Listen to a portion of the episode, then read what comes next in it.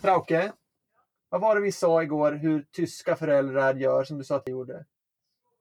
Ja, tack! Nu, nu, nu kommer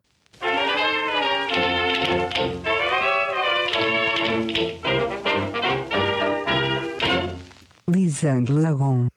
Välkomna till Lysande lagom, podden där vi generaliserar massor om allt som sker i Sverige av svenskar och av utlänningar. Jag heter Emil Molander, lärare i svenska som andraspråk. Och jag heter Sofie Tegsvenen Devå. Jag driver företaget Be Swedish.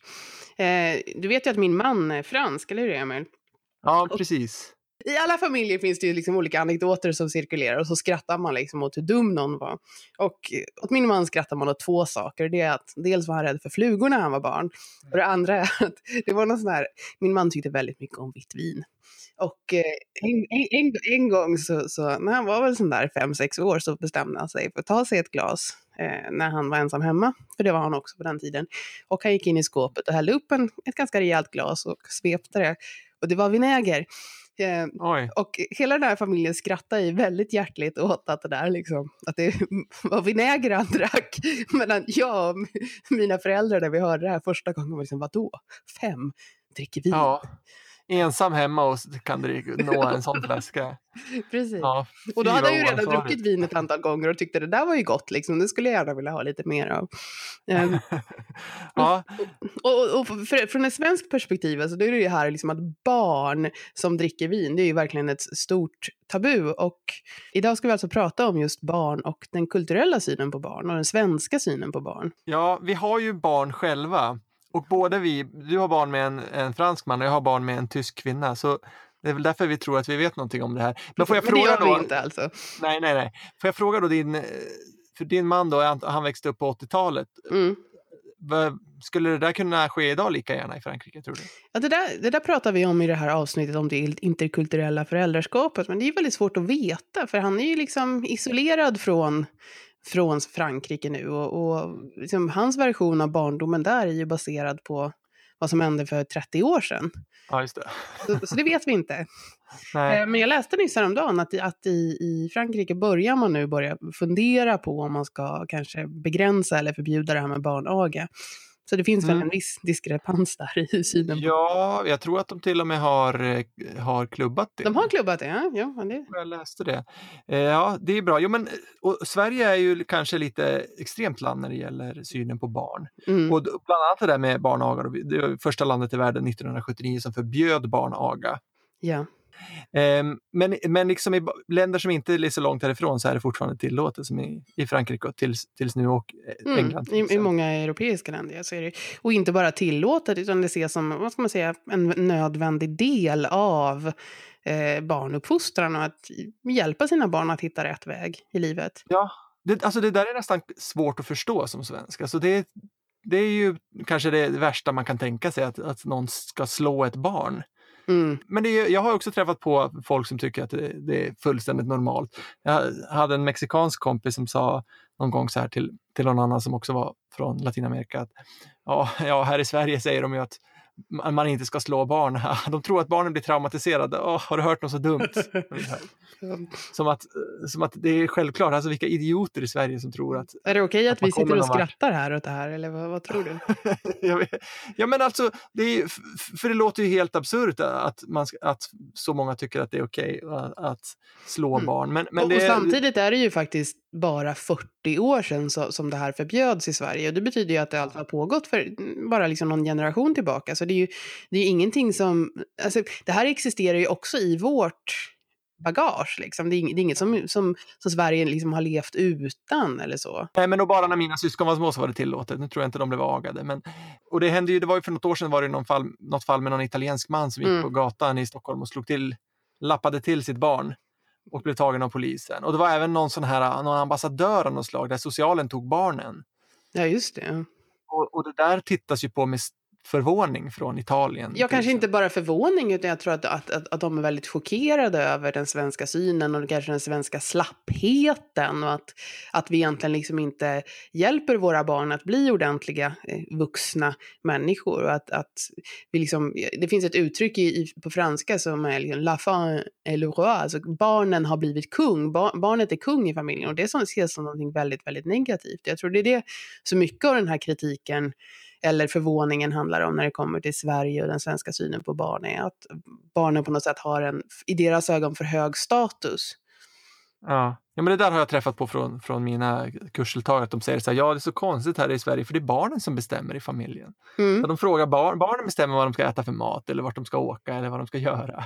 Ja. Det, det är helt konstigt. Varför ska barnen bestämma det? Men, är- men är det den här generationen som, som slapp bli agad? Är det de, deras barn som Ja, är de här som det bestämmer? Det, det är ju nästan så, för det, det är ju nu liksom de senaste, ja inte vet jag, senaste tio åren kanske. Eller är det 20 Curlyföräldrarna år? har kommit igång. Ja. Men, men vad, vad finns det fler, fler för liksom eh, fördomar, tror du, om, de här, om, om svenskar från, från andra, andra kulturer när de kommer hit och ser hur vi behandlar våra barn? Ja, alltså när jag, när jag var barnledig och tog med mig min dotter till, till mitt jobb och träffade mina kursdeltagare då från olika länder, så det de, det de reagerade på var ju eh, hennes kläder först och främst. Så, Mm. Varför har du klätt? Hon ser, du har klätt henne som dig. Varför ser hon har du har klätt henne som dig själv. Varför har hon inte en gullig klänning? Då hade hon på sig ett par bruna byxor och någon så kofta eller någonting. Varför har hon inte liksom Hello Kitty på sig? Tyckte de var idiotiskt. Ja. Ah, så här, Sverige, vilka, vilka, Ja. Men varför inte, Emil? Varför hade hon inte en gullig klänning på sig? Ja, ja men alltså hon hade ju det ibland. Hon har, hon har ju sådana klänningar ibland. Mm.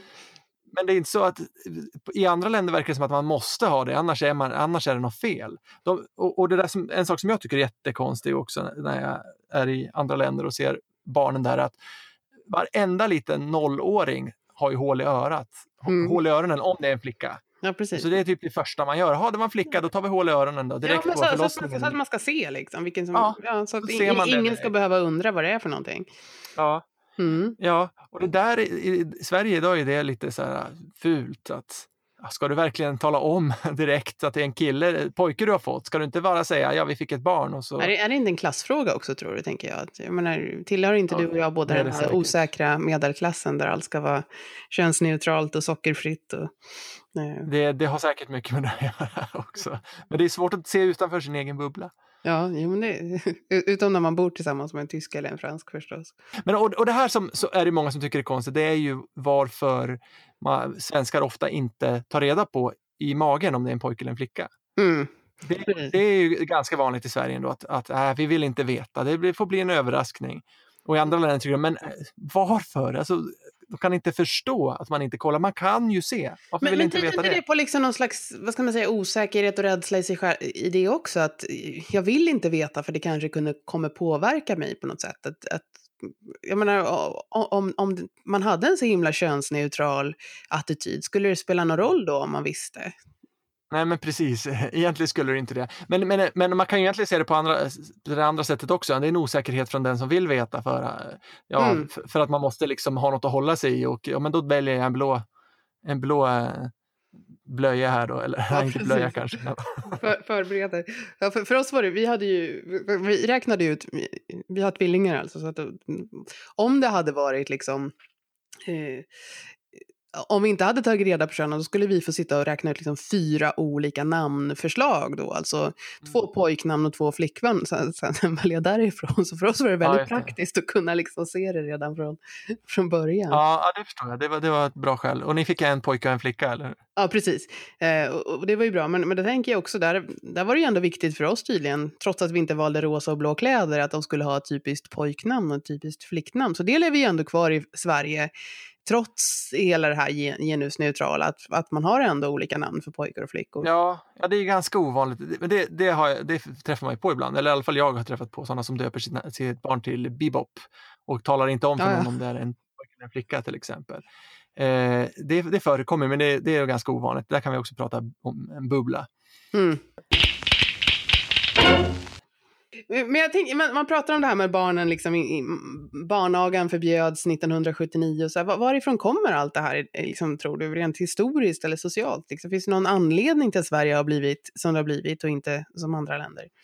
Delvis så är det väl någonting som har kommit med välfärdssamhället och med Alva Myrdal till exempel. Som, ja, precis. Folkhemmet som, som hon skrev den här eh, boken där hon tog upp Kris i befolkningsfrågan. Ja. ja, den, den, ligger här oläst på, på ja. mitt bord.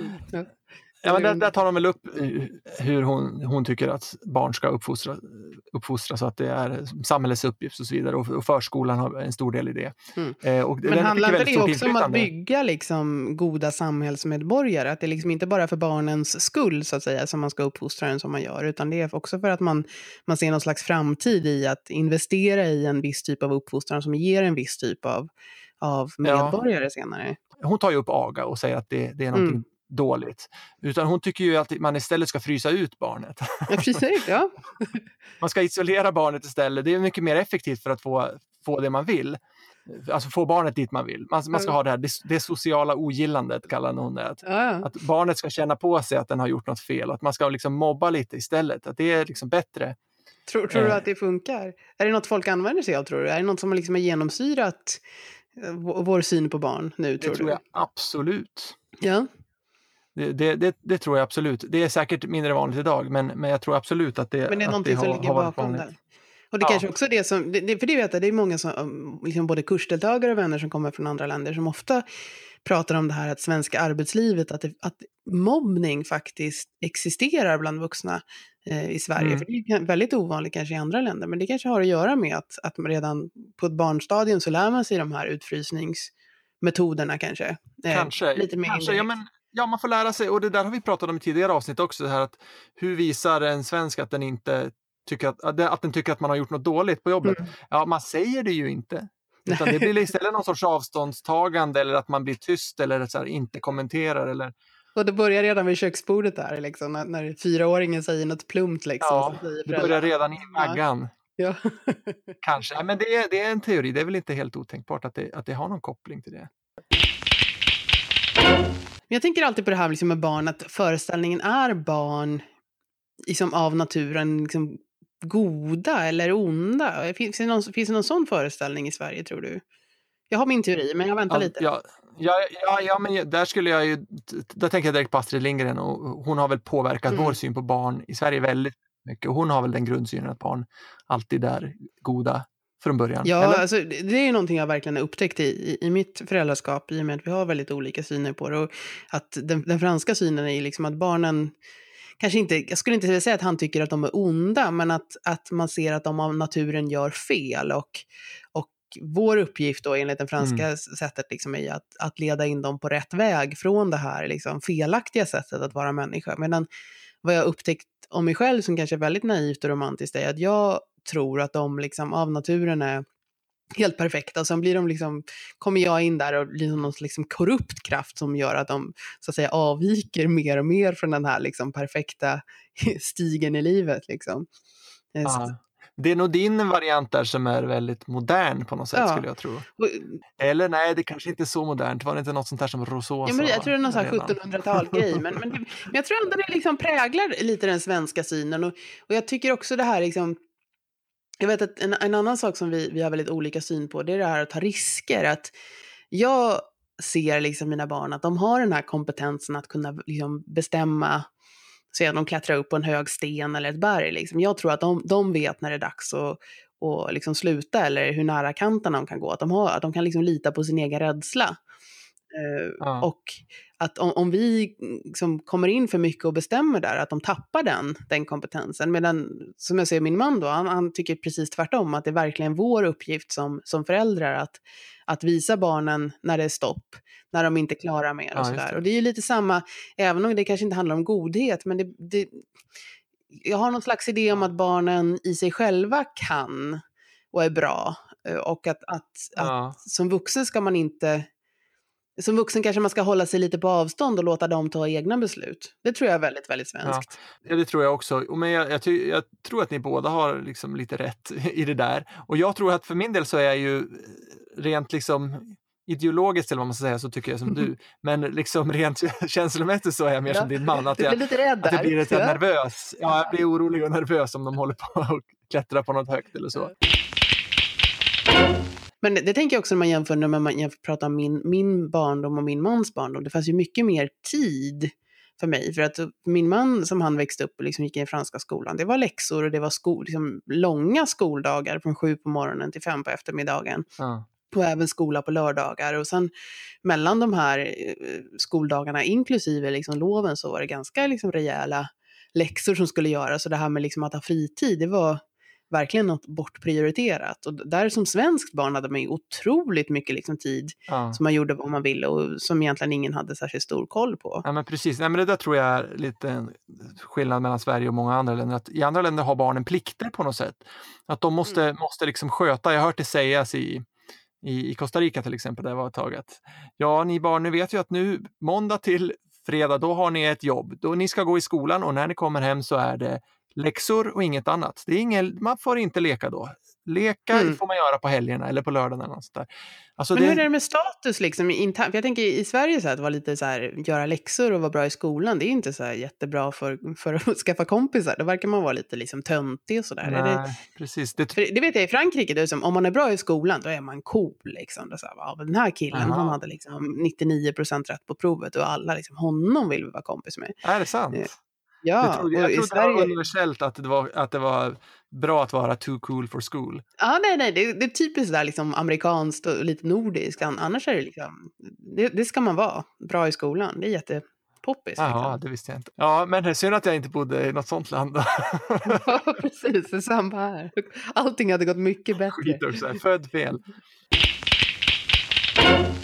Vi pratar om liksom lydnad och, eh, vad ska man säga, veta hut, sa man ju i Sverige liksom långt tillbaka Mm. i tiden. Jag tror, i alla fall det som, det som kanske händer i, i, i vår familj, liksom den här franska synen på barnen påminner ju väldigt mycket om kanske mina farföräldrars syn på barn.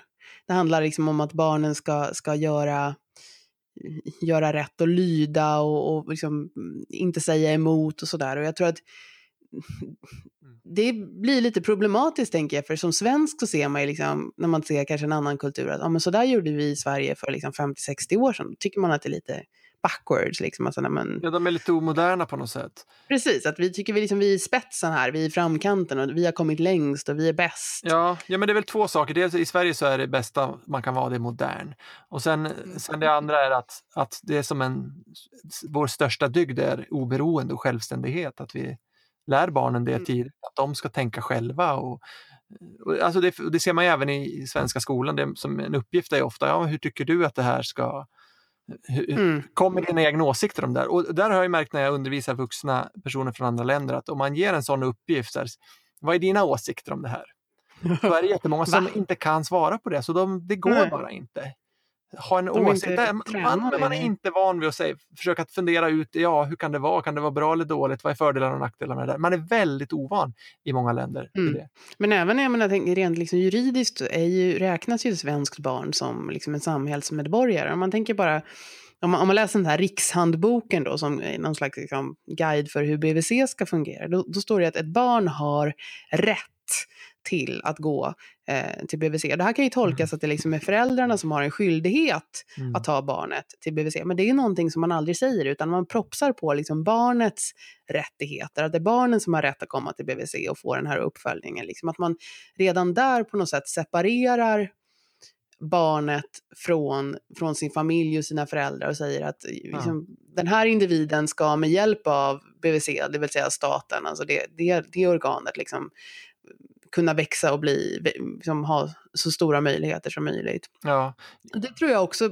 alltså, det speglar väldigt mycket vår syn på att, att barnen redan från, från, från början har den här, vad ska man säga, att de är autonoma och kan uttrycka sig själva och har egna rättigheter också gentemot sin fa familj och sina föräldrar. Att, att barn har rätt att säga ifrån eller säga emot eller inte göra kanske som, som föräldrarna vill. det gjorde säkert du också i skolan, att man pratar jättemycket om det här barnens rättigheter och allt det där. Och det, jag, min, Ring, jag ringer BRIS ropar man liksom Ja. när någon sa något. Precis, ja, men och barnens, det där gör min son också i skolan. Så det, det där det där gillar vi i Sverige. Det är jätteviktigt. Jag har, såg inte det i skolan i, i Spanien. Där jag Nej, men, precis, men det finns ju de. Barnen får information. Så här gör du om liksom, du har problem hemma. Då kan du kontakta de här kanalerna. Ja. Och jag tänker att i många kanske mer kollektivistiska kulturer så är det mer så att man kanske går till farmor eller någon, någon del av liksom släkten i så fall. Eller kanske inte vågar prata med någon alls om, om, om man upplever liksom konstigheter det, i hemmet och familjen. Och det där leder ju till att barnen i Sverige har mindre respekt för de äldre också.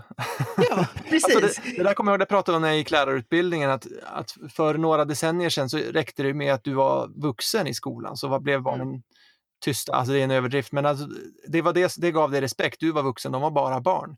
Men mm. idag räcker inte det, utan du måste liksom förtjäna Precis, man måste kunna motivera och berätta varför och, och, och allt sånt där. Ja. Så där, där, där, kanske vi, kanske som vuxna ibland tänker jag, om man, om man inte ska, om man ska försöka kritisera lite det svenska systemet, så är vi kanske överskattar barnens förmåga att ta rätt beslut eller kanske att, att kunna tänka rationellt och förstå en, en förklaring till att man måste agera på ett visst sätt. Ja, och det kanske är oschysst mot barnen på ett sätt också. Jag har till exempel tvingats lida, genomlida ett sånt här uh, elevlätt utvecklingssamtal. Elevlätt utvecklingssamtal? Att eleven är den som ah, leder utvecklingssamtalet. Lätt som elever, inte lätt som är så, ja. inte svårt. Ja. Nej, eleven ska leda utvecklingssamtal. jag, jag, satt, jag satt med som tolk på ett sånt. Ja. Det var extremt plågsamt. Det var så här, Hej och välkomna till mitt utvecklingssamtal. och, barnet visste knappt vad det handlade om. Ja. Alltså vad är, det, vad är det jag håller på med? Det var, det var fruktansvärt. Det skulle inte ske i så många andra länder tror jag. Nej. Om man ens har ett utvecklingssamtal. Ja, precis. Det, det, och ett, ett utvecklingssamtal kanske, om, om det finns så har det kanske en helt annan eh, form, eller vad säga, en helt annan, ett helt annat syfte också. Mm. Men är det så i Frankrike att, att, att barnen har mer respekt för de vuxna? Ja, precis. Och det, det är också, där, där, gäller det fortfarande den här regeln, tror jag, att liksom, du ska ha respekt för mig att, att för att du är vuxen. Och det, det här liksom hierarki är någonting som vi pratar väldigt mycket om hemma och det där är jag, liksom, jag har nästan svårt att, alltså, att förstå vad hierarki egentligen innebär. För att det är någonting som min man säger, liksom, men de förstår inte sin plats i hierarki. Det är inte jag heller. Mm. Uh, men, men det som är intressant är att, att, även som när de här barnen växer upp och att det är ju någonting som liksom fortsätter att, att ha, har man en respekt för auktoriteter eller inte och förväntar sig man liksom hierarkier när man kanske kommer ut i arbetslivet och så. så det, det, det, är ju också kanske en kulturkrock, ser jag för många som har växt upp i andra länder och kommer till Sverige, att de är så vana vid det här hierarkiska tänkandet att det kan kanske vara svårt att komma in på en arbetsplats och ta egna ja, initiativ och föreslå saker för att man, man förväntar sig liksom att någon annan ska ta, ta den rollen. Liksom. Jag tycker det är rätt intressant att kolla också på, på liksom hur vår syn på barn speglas i liksom litteratur och kultur och sådär. Vi, vi har ju både franska och svenska böcker hemma. Och, liksom de, och då tittar jag framförallt på de här, hur de här böckerna är illustrerade. Och om man köper en fransk barnbok då finns det två typer av illustrationer. Den ena är den här liksom pedagogiska illustrationen och den är gjort typiskt i datorprogram och så har man använt liksom svarta konturer och så har man fyllt i med liksom mm. grundfärger, väldigt enkelt och det är väldigt tydligt. Och mina barn älskar de här böckerna. Vi har liksom bö bö böcker som heter Sjukhuset, Bröd, Vulkaner, allt sånt där. Liksom man verkligen får lära sig väldigt, väldigt pedagogiskt om, om olika saker. Så det är ren facklitteratur. Den andra typen av illustration är någon slags vuxen som har ritat, nu ritar jag som ett barn. Och som har ritat liksom medvetet slarvigt för att det ska se ut som att man inte riktigt kan. Eh, ah. Och jag tycker båda det där är ofta, liksom, antingen är det väldigt liksom tillrättavisande, så här är det, det här är facklitteraturen och så är det väldigt förklarande, eller så är det det här, liksom, nu lägger vi oss på er nivå, men, men det är inte någon som egentligen, tycker jag, i alla fall i det senare exemplet, tar verkligen liksom barnen på allvar. Och att, jag, jag tänker, vi har många svenska böcker som är väldigt liksom, konstnärligt illustrerade och liksom, det finns olika tekniker, man har testat med collage och sådär. ja. Det finns en, en stor, liksom, ett stort intresse för att jobba med barnlitteratur och, och, ge barnen det här. Och det har också ganska hög status i Sverige, vilket inte ja. har i andra länder. Men det där tycker jag, om man, om man kan se någon skillnad. Alltså nu, vi, läser, vi läser ju en del tyska böcker, men de flesta mm. är ganska gamla. Det är från när min fru var barn. men, men vi har, vi har liksom båda delarna. Och det man kan se med svenska barnböcker är att de är ofta väldigt raffinerade. Mm. Det är mm. väl det du säger, att, att det är liksom proffsigt, det är genomarbetat, det, man har verkligen tänkt väldigt ofta. Sen finns det väl dåliga, men, men eh, man, man har liksom det, ja, men det har nog att göra med att det är hög status. Man har mm. tänkt på det. En annan sak som jag tycker är stor skillnad mellan svenska och tyska barnböcker, det är att svenska barnböcker är alltid PK. Mm. på det sättet att det är alltid det, det, finns representation av olika typer av människor. Mm. Vi har till exempel en tysk bok där det, som handlar om djuren och sånt där. Och så står det ja, alla djur och människor har en mamma och en pappa. Mm.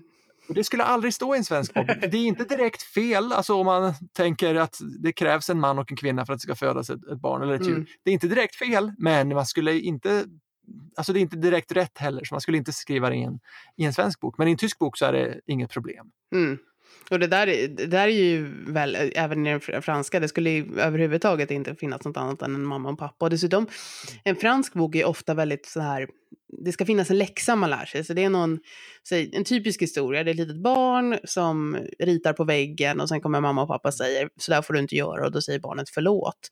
Eh, och, Sedelärande. Ja, och så får man lära sig, ja men så där, så där är det. Och om jag tänker, en av mina barns favoritböcker på svenska det är Dumma teckning av Emma Adbåge. Känner du till den? Nej, jag känner till henne, men ja, inte den ja, boken. det, det, det är jätteintressant, för då är det inte ens några föräldrar närvarande i den här, den här boken, utan det är ett syskonpar som sitter och ritar tillsammans.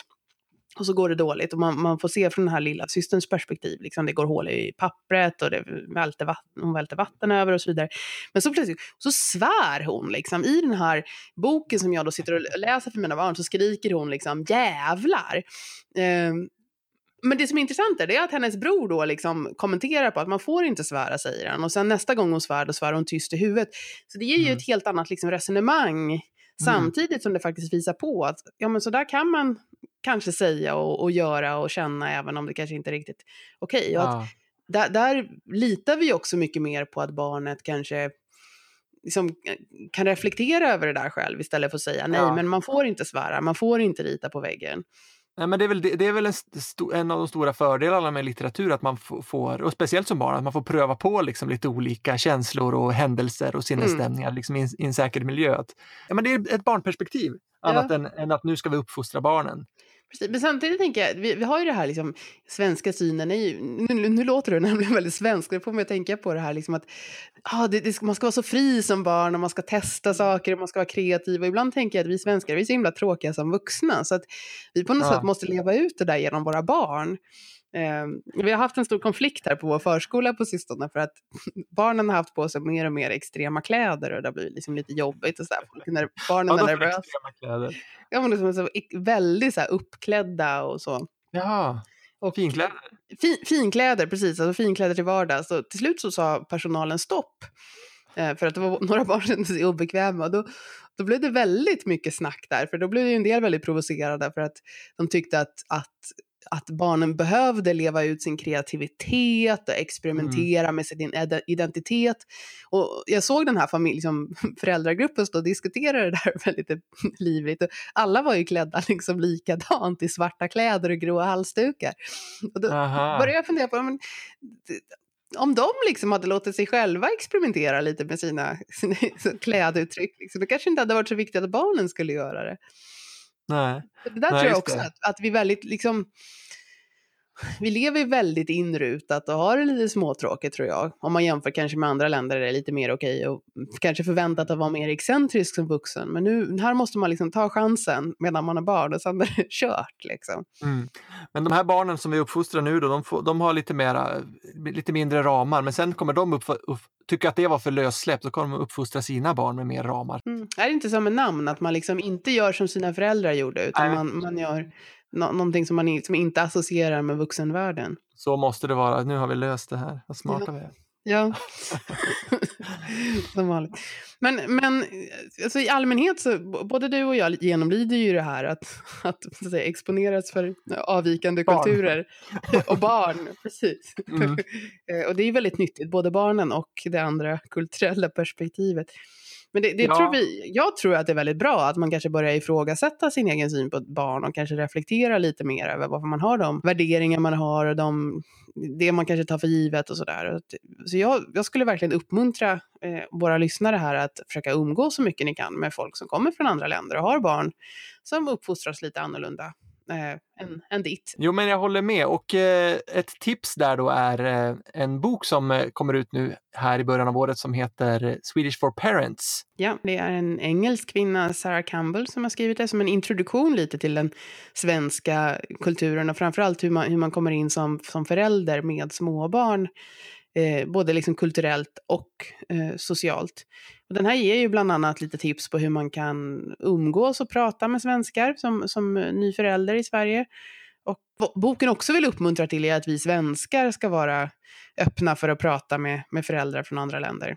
Ja, det står ju i boken att, att de här utländska föräldrarna som läser den, att de ska våga ta kontakt med svenskar på öppna förskolan till exempel och prata. Så mm. alla föräldrar som lyssnar på det här nu måste ju göra sitt också då ja. och, och, och, och, våga prata med de här utländska föräldrarna på lekplatsen eller på uh, öppna förskolan. Eller på förskolan. Så det, det, det får vi väl uppmuntra till.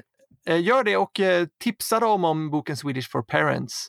Finns att köpa på lysförlag.com och i vanliga bokhandlar. Eh, tack så mycket för att ni har lyssnat. Sofie Tegsöden, Duo heter jag.